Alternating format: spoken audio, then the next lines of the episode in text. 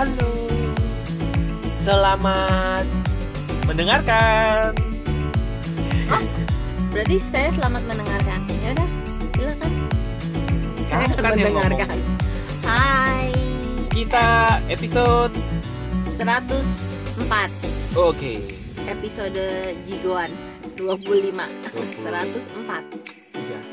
pernah ngalamin ya dulu kita masih bisa beli permen 100 dapat 4 permen Permen sugus. permen sugus Eh ya ada yang pernah ngerasain ya sih eh, bahwa 25 perak itu sesuatu yang berarti? masih bisa mendapatkan sesuatu ya dari Ah, koin 25an bagi yang pernah merasakan saya lupa tapi koinnya kayak apa ya kecil lah, kecil-kecil. ingatnya yang gocap Ya kalau gocap sih burung cendrawasih. kalau yang 100 Burung irian, burung cendrawasih. Lagu apa sih Cukup sekian dan terima kasih. itu lagu Oke, siapa nggak ada, nggak tahu.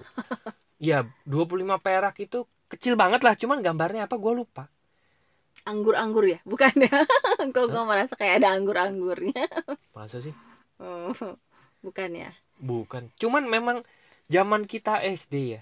Oh, mohon maaf ya bagi yang tidak seumuran, bagi teman-teman yang generasi X, eh Hah? Z ya. Bagi teman-teman yang saya gelap generasi generasi generasi ya generasi, generasi sekarang mungkin tidak mengalami. Jadi zaman dulu itu 25 perak itu masih berarti. 50 perak Ah. itu bisa beli minum. saya masih inget Eh, cepet enggak 25 perak, enggak 50 perak bener bisa beli Serat- es limun. seratusan masih bisa beli ciki dulu Tara. anak mas tuh berapa ya? 150 kayaknya. Anak mas iya tah Iya, bukannya tahu nggak 50. anak mas? Bagi yang nggak tahu anak mas itu kayak mian yang dikeremes, mie dikeremes gitu. ada bumbunya dikocok kocok kocok kocok gitu Nah, itu favo, eh, populer sekali loh. masih ada kan sih sama dulu mah ada yang 25an Apa? mami Oh iya yang kecil-kecil itu ya? Kecil Iya, iya, iya. Bener bener bener itu bener. kayaknya 100 dapat 4 loh Iya, bener, bener. gitu. Itu kalau mau irit dan bagi-bagi teman-teman belilah itu. Traktirnya mami gitu iya bener bener. Masih kayaknya merah-merah gitu ya. Enggak ah putih Eh, masa sih putih, ya? putih kayaknya Oh. putih-putih kecil-kecil serenteng itu Iya. kayaknya itu. masih ada yang jual nggak sih sekarang Masih Nggak- kali ya. nggak- tahu ya, tapi mungkin karena kita Terus- udah udah jarang nongkrong di warung Yosan, Yosan. permain karet Iya, yang kita nggak tahu itu yang nggak ada huruf huruf apa sih N ya? Huruf N apa huruf S? nggak tahu N ya. jadi it- cuma yosa gitu iya benar. Oh, itu zaman-zaman jahiliyah dulu, zaman itu ah, menyenangkan tahu menyenangkan zaman-zaman itu dulu kalau dikasih uang jajan 500 berarti kita sudah merasa sangat makmur ya Sultan itu dulu. 500 perak itu. Itu teman-teman bisa makan apa aja yang tersedia di sekolah. bisa beli minum bisa beli mainan ya kan mainan Betul. aja murah dulu kan Batagor udah bisa dibeli. orang-orangan dulu berapa Oh, iya. tuh se ya gue dulu Iya. sedemen orang-orangan yang ada udah ada bajunya itu bisa ganti-ganti bajunya itu kayaknya cuma berapa deh selembar itu Ah, Hebat ya. lucu, lucu, lucu. Sekarang uang 25 perak dapat apa? udah nggak ada pak Oh ya udah nggak ada ya. 50 perak 50 perak masih ada enggak eh enggak ya? Enggak tahu masih deh. ada nggak sih Enggak, Iya, 100 perak aja kayaknya. 100 perak 100 perak Dapat apa? apa? Enggak tahu. saya Gitu. juga nggak tahu Nah, inilah yang disebut sebagai inflasi. emang kita mau ngomongin inflasi hari ini Ih, kita ngomongin itu aja, inflasi. Ah, Mungkin teman-teman sudah tahu apa itu inflasi. Tapi bagaimana mengatasi inflasi? Apakah sudah mendapatkan pengetahuan tentang itu? Teng. Hmm, hmm, hmm. inflasi adalah apa? kan kamu yang kuliah ekonomi. Saya kan kuliah saya industri. kuliah akuntansi Oke. apa itu? Eh, pokoknya intinya mah inflasi penurunan nilai mata uang aja. Yang Ya. kayak tadi, dulu 25 masih berharga, bisa ditukar barang ini ini ini masih ada. Sekarang, Sekarang, 25 hmm. udah turun artinya, udah Bener. nggak ada artinya. Uang begitu ya memang ya. Emang ya begitu kan? Itu ya itu makanya disebut inflasi. Kayak zaman dulu eh, bagi teman-teman yang seangkatan dengan kami pasti eh, ingat dengan lagu ini. Abang tukang bakso, Iya. mari mari sini, aku Langsung mau aja. beli. Terus Skip fast forward. satu mangkok saja 200 200 perak yang banyak baksonya gitu kan. Bayangin ya, lo zaman itu itu kalau nggak salah tahun 91 aduh Aduh, gua nggak ingat. Melisa itu Oh. ya kan abang tukang bakso tahun 91 200 perak dapat satu mangkok bakso dan masih masih bisa minta yang banyak baksonya nah sekarang 200 perak kalau lo ngomong begitu lo bisa ditem- dilempar piring sama abangnya kayaknya Boleh lah dapat kuah kali. Boleh. 200 perak ya bakal apa di sekarang makan bakso juga nggak dapat Kan pang kalau bakso apa tuh? Bakwan Malang, bakwan Malangan itu Terus satu kan- biji aja ceceng kali ya. iya dapat Ya itu jadi itu nah, itu inflasi. inflasi sekarang satu mangkok bakso berapa sepuluh ribu dua puluh ribu mungkin Sebenarnya inflasi tuh bikin ini loh, orang kerja tuh jadi kayak hasilnya nggak kekumpul-kumpul ya. ya Karena betul. misalnya pengen beli rumah Mm-mm. gitu ya. betul pengen Kalau beli rumah uangnya terus dikumpul-kumpulin kumpulin, nanti pas sudah kekumpul harga rumahnya udah naik. bener Kumpul-kumpul lagi, naik lagi. Terus bener Kapan? nah nah jadi gimana? apa yang kami pelajari gitu ya dan apa yang kami lakukan Sebenarnya kita bukan ahli ekonomi ya. bukan Kita hanya melakukan. melakukan aja gitu dan sebetulnya orang-orang tua kita sudah melakukannya sih gitu nah Kita sekarang melakukan hal yang awam, tapi sebenarnya ya itu sebenarnya jurus mengatasi inflasi supaya Ya. kekayaan kita tidak tergerus tapi Gitu. ternyata perlu ini ya, perlu disiplin ya. Betul untuk bisa sekali. melakukan ini. betul Apa itu yang kita Jadi, lakukan? Jadi kalau teman-teman hanya sekedar nyimpen uang aja, uang itu lama-lama akan tergerus inflasi atau nilainya turun yang tadi kita bahas. Misalnya teman-teman sekarang punya uang 100 juta gitu ya, 100 juta yang kayak tadi aja deh biar gampang ya. Ya. 200 perak dapat satu mangkok bakso di tahun 91. Sekarang Mm-mm. jangan harap ya. Sekarang satu mangkok bakso harganya Mungkin udah minimal 10.000 kalau di sini aja ya yang abang-abang itu ya aja ya. mungkin lima ribu masih dapat nggak juga ya. Enggak dapet. Delapan ribu yang kita 10.000 suka lah. lewat itu. Oh 8.000 ya? Masih ada itu Ya delapan ribu 8.000 yang lah. Kalau di. Cilegon itu yang mamang-mamang suka lewat ya. Berarti naik berapa tuh? Dari 200 Terus ke 8000. 200 40 kali 40 lipat. kali lipat. Betul. Tuh, itu berapa tahun? 91 sampai sekarang 2019 28. 28 tahun. 28 tahun. 28 tahun nilai semangkok bakso itu naik 40 kali Kali lipat. lipat. Nah, jadi coba teman-teman sekarang bayangin kalau teman-teman punya duit sekarang anggaplah Eh harga- bukan nilai baksonya yang meningkat, nilai nilai uangnya, yang turun, kan. Iya. Anggaplah misalnya sekarang harga rumah 500 juta gitu ya. Mm-mm. Berarti 28 tahun yang akan datang harga rumah 500 juta itu bisa jadi 20 M. Nah, Bayangkan. Bayangkan. oke, oke, Jadi oke. kalau misalnya sekarang teman-teman mau menikah dan mikir anak gue nanti punya rumah, kan 28 tahun lagi em, pasti mau nikah kan, gitu ya. Anaknya kan Mm-mm, ya mm-mm. usia-usia matang lah gitu Iya. kan. Uh, rumah yang harga sekarang 500 juta bisa puluhan M nanti. Gitu. Iya. Nah, sekarang pertanyaannya kalau kalau kita cuman nyimpan duit eh, 500 juta gitu ya, nilainya makin lama makin turun. Lalu apa yang harus dilakukan? Yang harus dilakukan adalah Kita mengalihkan uang ya yang atau- terkena inflasi ini kan uang. Berarti kita mengalihkan uang ini ke sesuatu yang kenaikannya lebih tinggi daripada inflasi atau biasa disebut sebagai investasi. Oke. Gitu. Jadi setiap tahun itu pasti adalah di setiap negara itu inflasinya berapa persen. Oke. Anggap contoh inflasi tahun ini misalnya 2% gitu kan. Misal contoh ya. Saya nggak tahu ya, gelap Gua, ya ya. gue juga nggak tahu gitu kan. Nah berarti kita harus cari instrumen investasi yang dalam satu tahun kenaikannya lebih tinggi daripada 2% tersebut gitu. Atau misalnya contoh, kalau gua tahun lalu tahun lalu gua eh, sharingin orang tentang yuk nabung Bitcoin gitu kan. Itu tujuannya apa? Tahun lalu harga Bitcoin 50 juta per satu Bitcoin. Ha- tahun ini 2019 itu satu Bitcoin sekarang 150-an juta lah, kurang lebih ya. Di situ ya Mm-mm. walaupun ada 160, 170, 150 Walaupun memang lah. naik turun naik turun, tapi trennya eh, naik. Naik. Walaupun nanti turun pun Ya, it's okay. statistiknya pasti maksudnya masih lebih tinggi daripada yang sebelumnya gitu bener. kan. Nah sekarang Jadi coba teman-teman bayangin. naik.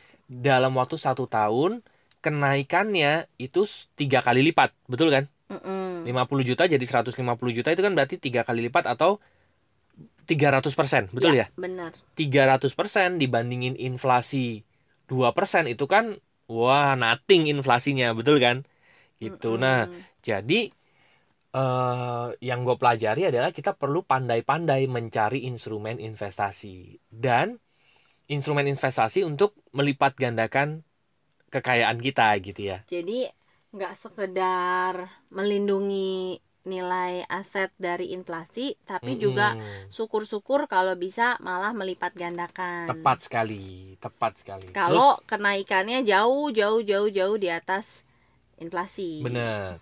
Terus yang kedua, fungsinya apalagi kalau kita mau berinvestasi ini dana pendidikan.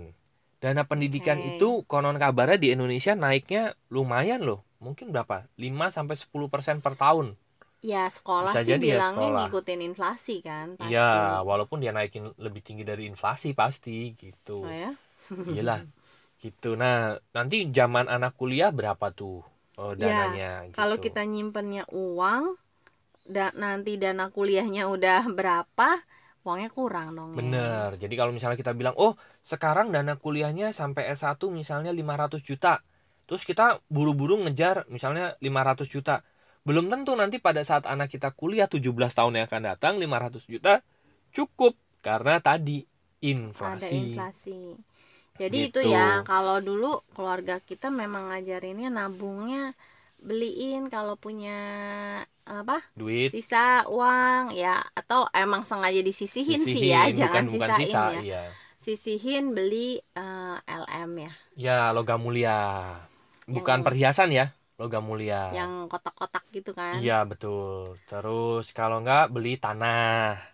Itu kan zaman-zaman dulu kan asetnya itu berupa fisik kan, investasinya tuh berupa Nah, fisik. gitu. berarti kan sepanjang perjalanan nih sepanjang kita masih.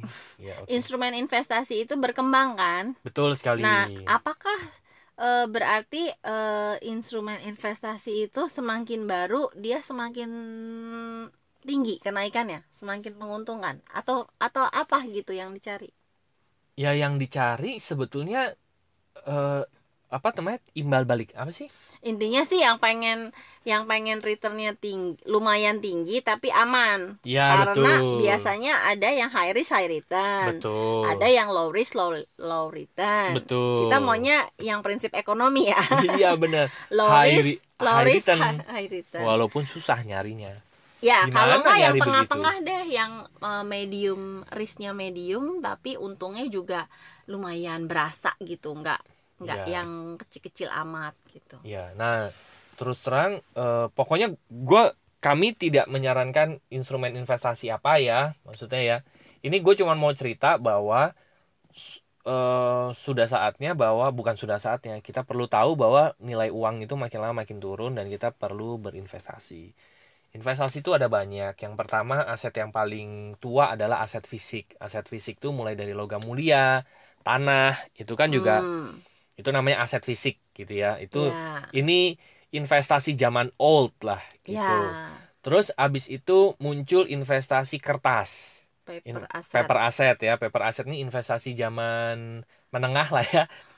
itu Ya. mulai dari saham, reksadana gitu ya. Itu itu adalah eh, paper asset gitu ya. Benar. Nah, mungkin bagi teman-teman yang belum kebayang investasi di paper asset, mungkin yang kebayangnya investasi itu adanya di yang fisik, ya perlu belajar, ya kan? Mm-mm. Namanya juga berkembang zaman gitu ya. Kenapa? Karena kalau teman-teman bisa milih Mm-mm. yang paper asset ini, kenaikannya lebih tinggi daripada emas atau tanah yang Ya. aset fisik. Asal bisa milih ya. Gitu ya, itu Dan- kuncinya ya karena saham itu di Indonesia kurang lebih ada berapa ya? 500 apa 600 emiten kalau nggak salah saham. Hmm. Dan itu kita pilih saham mana yang kita mau beli gitu. Kalau gua gua pribadi itu bersifat orang yang eh, jangka panjang karena gua lebih suka gua lebih nggak nggak pusing gitu. kan ada yang jangka pendek jangka pendek itu jual beli atau disebutnya trading lah ya trading Hmm. saham trading emas juga ada kan yang kayak gitu ya gua nggak mau begitulah mending beli tapi kalau yang aja. demen ya silahkan dari trading ya untungnya lumayan tapi memang pasti ada ada effort yang harus dilakukan. Lakukan dan bener. kita soal saham kita udah pernah udah ceri- cerita, iya kan? ya. itu di episode berapa? Gue lupa deh. Ada deh nanti Di eh, episode awal-awal belasan kalau nggak salah. belasan. Atau kayaknya tujuh ya gue lupa. enggak belasan ya? 14 kayaknya. 14 Nah, nggak atau deh. berapa belas lah. Pokoknya belasan. Silakan. Mm-mm. silakan ke sana. Ada.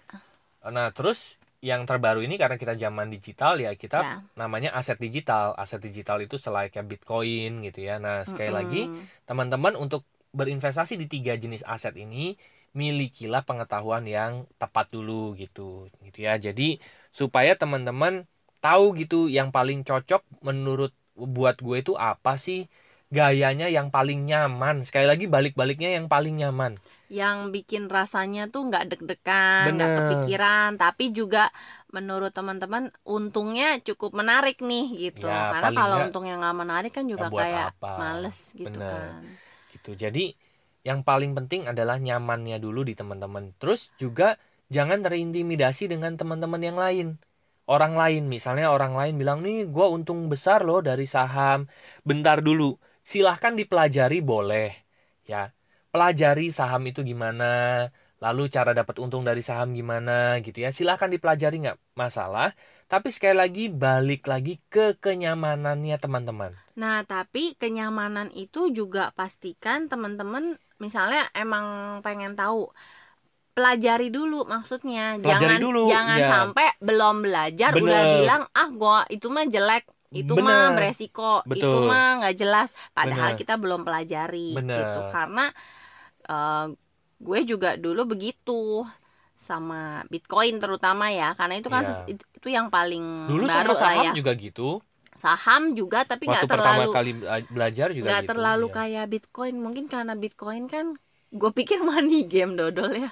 Iya sih. Jadi berapa tahun tuh ah kayaknya apa sih tuh koin-koin gitu. Setelah dipelajari dapat pengetahuan yang benar ternyata menarik dan ya sangat bisa di ya sangat masuk gitu ke logika iya. gitu. Dan dapat dikategorikan sebagai aset lah ya investasi. Iya. itu nah benar kata Rusi pelajari aja. Silakan pelajari. Nanti cuma baru nanti keputusannya memutuskan di- nyaman atau enggak. Ya pokoknya hindari terintimidasi ya dengan oh si ini kaya cepet dia baru setengah tahun udah dapat sekian ini satu tahun dapat sekian. Enggak. Yang paling penting tentuin dulu tujuan investasinya teman-teman gitu ya kalau gua sih udah buat jangka panjang aja buat hidup. Buat hidup gua dari bukan dari investasi tapi dari bisnis atau pekerjaan. Jadi kita perlu bedain dulu nih antara untuk hidup sama untuk melipat gandakan atau melindungi nilai kekayaan kita dari gerusan inflasi. Oke. gitu. Karena banyak orang kecampur-campur. Itu ada piramidanya ya. Kita Ya, pernah benar. belajar tuh Pernah kok. piramida. Kita udah pernah, ya? pernah sharingin hal ini oh gitu. ya udah kalau sudah pernah. Nah jadi nanti kalau teman-teman hindari terjebak ya terjebak eh, apa namanya mencampurkan antara investasi dengan bisnis gitu. Mm, banyak contoh contoh ya. Orang ada yang nam- eh, trading saham. Trading saham itu bukan investasi menurut gua tapi itu adalah bisnis ya. Kenapa? Benar. Karena dia melakukan kegiatan itu setiap hari. Yang namanya investasi, teman-teman cukup beli sekarang, lalu tungguin aja, nanti duitnya berkembang dengan sendirinya. Itu menurut gue investasi gitu, gitu ya. Nah, tapi kalau misalnya contohnya apa lagi? Tanah aja deh contoh ya. Tanah itu bisa jadi bisnis, bisa jadi investasi.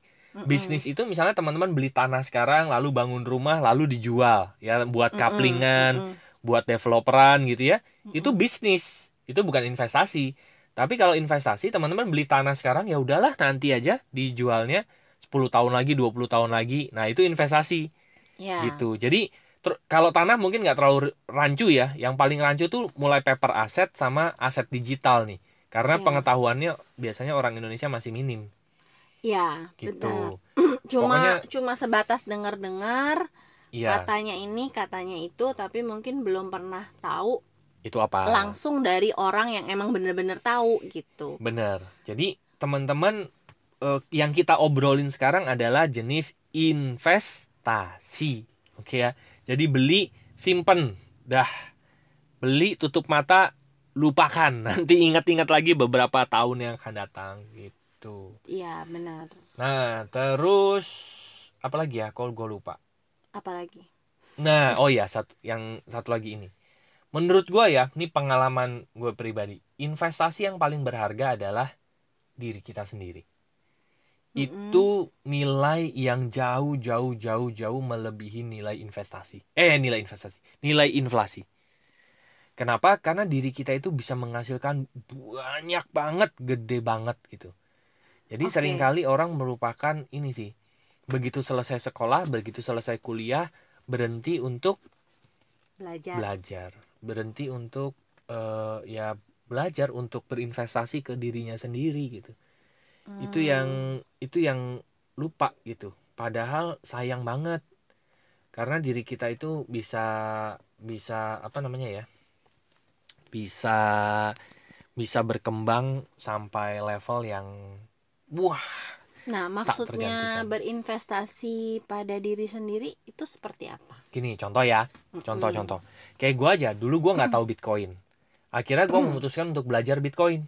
Akhirnya ketemu mentor yang benar, belajar. Itu kan belajar sebetulnya. Mm-mm. belajar tentang Bitcoin, akhirnya eh gue tahu sesuatu tentang Bitcoin Mm-mm. dan akhirnya nih kalau misalnya ngikutin dalam waktu satu tahun aja dari 50 juta jadi 150 juta, berarti kan dari pengetahuan yang gue dapetin, gue bisa dapetin pel- pelipat Kenaikan. gandaan itu 300% dalam waktu satu tahun.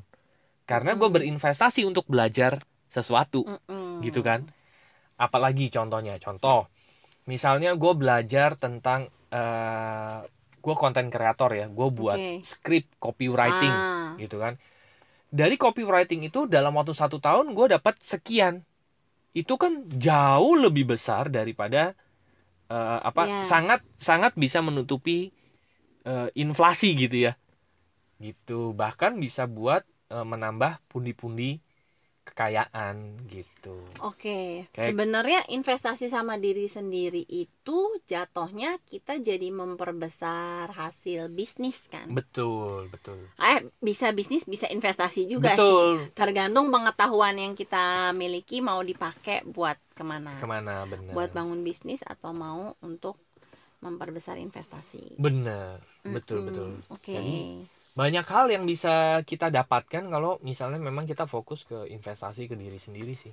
Iya, karena semuanya kan dimulai dari pengetahuan kita ya. benar sih. Kita bisa memutuskan dengan lebih baik dan yang tadi memutuskan dengan lebih nyaman benar. gaya kita. Karena sering kali kalau cuma sekedar ikut-ikutan tapi eh, rasanya beda mungkin orang lain bisa kita nggak kayak Ari itu nggak tahu kenapa dia nggak pernah suka trading. Padahal tahu, kan kalau dengar orang wih gila sehari aja bisa dapat segini segini segini gitu ya. Iya. Tapi kalau dicoba yang ada malah buntung. Iya nggak tahu gua malah hilang. Jadi ya memang bukan gayanya nggak usah iya. dipaksain. Dia Benar. akan mendapatkan eh, hasil yang orang lain dapat trading dia akan dapatkan dari yang lain yang dia nyaman gitu. Benar jadi ya balik-balik lagi kita ini kalau ngomongin bisnis ya. Kalau ngomongin bisnis ya balik-balik lagi. Pokoknya jangan tergiur dengan yang orang lain dapatkan besar dan kita memutuskan nyemplung di situ gara-gara tergiur itu gitu. Iya jadi jangan apa ya sebelum kita benar-benar tahu gitu ya itu Iya. dapatnya dari mana caranya gimana apa yang harus dikuasai baru kita ngelihat ke diri sendiri. Betul. Dari tiga itu kita gimana gitu. yang nyaman mana? Nyaman apa enggak? Apakah Betul. kita punya skillnya? Kalau nggak punya apakah kita mau rela gitu belajar? Bener. gitu kan. Betul betul. Kalau misalnya kita emang suka mau pelajarin dan rela ya mungkin bisa gitu. Mm-mm. tapi kalau ya ternyata bukan gaya kita kita juga nggak ngerti ya udah. Iya. Sebenarnya semua instrumen investasi itu bisa dilakukan dengan banyak gaya kan ya. Jadi Bener. misalnya mau ngambil emas mau ngambil eh, tanah betul. paper aset atau aset digital itu boleh. Monggo, malah bagus kan karena ada diversifikasi, diversifikasi karena gitu kan ya, iya. jangan taruh telur di satu keranjang. Cuma gayanya aja mungkin yang disesuaikan. Kalau Bener. orang lain bisa gayanya gimana ya kalau kita ya disesuaikan aja.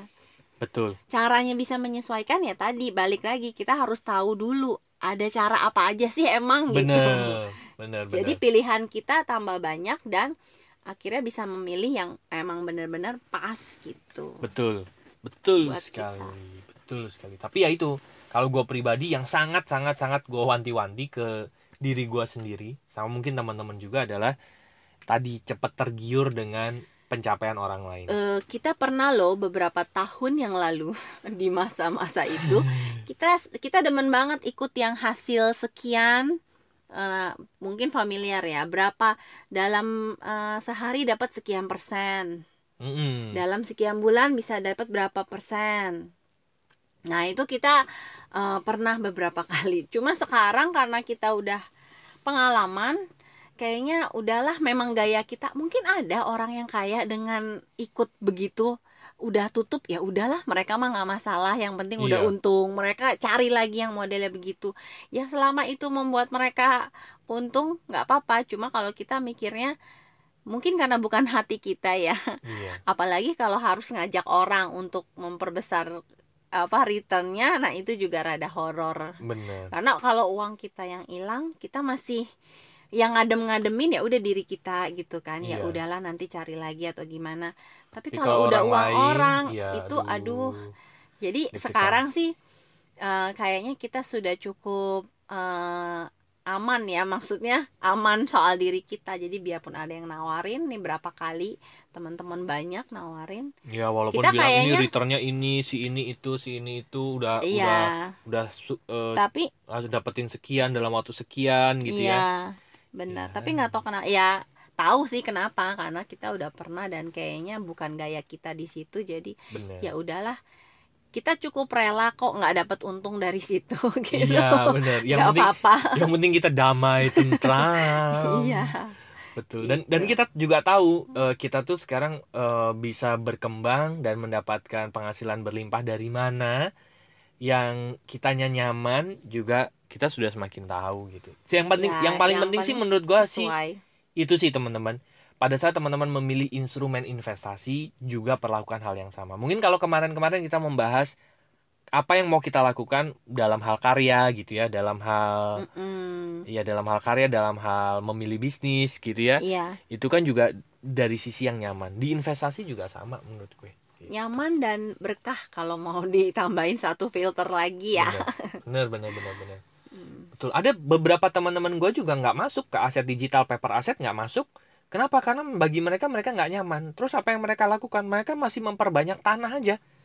Terus apakah itu salah? Enggak itu yang nyaman kok buat mereka gitu. Mereka bisa menambah asetnya dari situ. It's okay gitu. Ya benar. Cuma nanti kalau misalnya di suatu saat mereka sadar Mm-mm. oh ada kekurangan nih dari aset jenis Yang ini tanah gitu ya. nih Mm-mm. misalnya nggak liquid misalnya Ya, lagi butuh uang mau lepas ternyata ya susah kan jual tanah apalagi kalau tanahnya besar cari lawannya itu nggak segampang itu nah Mm-mm. mungkin mereka akan perlu mempelajari instrumen investasi mana yang returnnya oke tapi juga liquid gitu kan Benar, jadi kan benar. karena hal-hal itu kan terus eh, berkembang dan terus makin sempurna, makin enak kan. Benar, Makanya benar. kita perlu update juga gitu. Betul. Karena kalau kita nggak gue. update, eh, kita nggak tahu oh nih gitu. Oh ternyata sekarang udah ada loh jenis aset yang iya.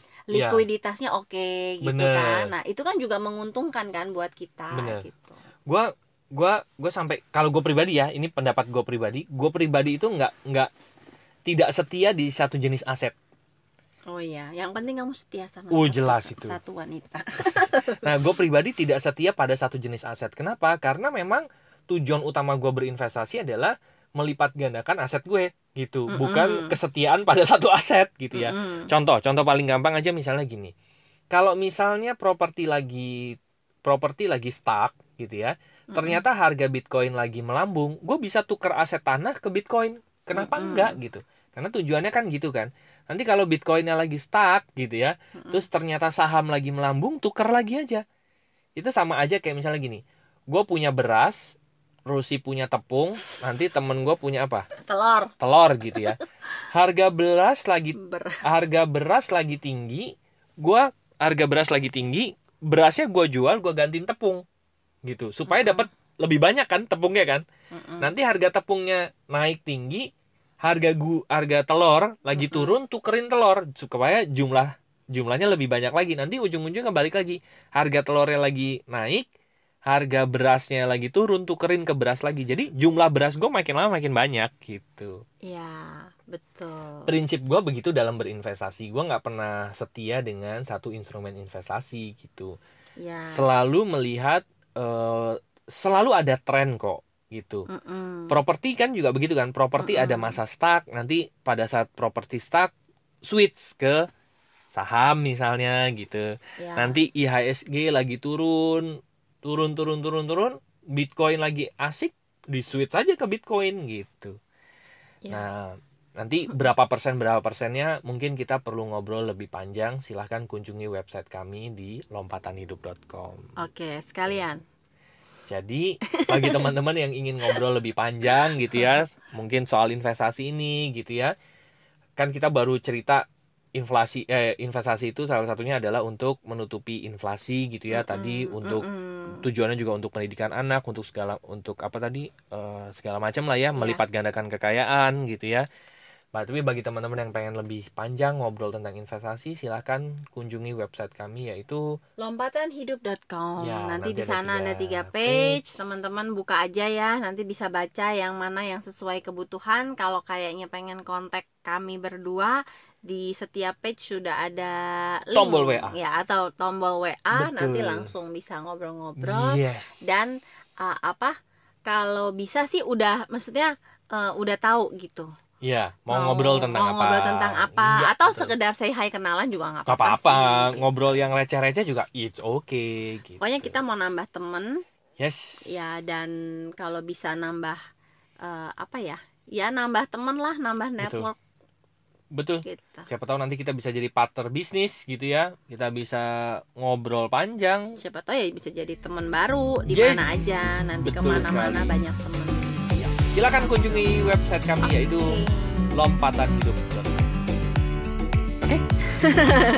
oke terima Thank kasih sudah listening. mendengarkan episode 104 25 100. makin lama makin receh ya Ya, nanti kalau 105 makin besok murah 20-an oke Oke, terima kasih sudah mendengarkan. Sampai jumpa di episode berikutnya. Thank you, bye bye. bye bye see you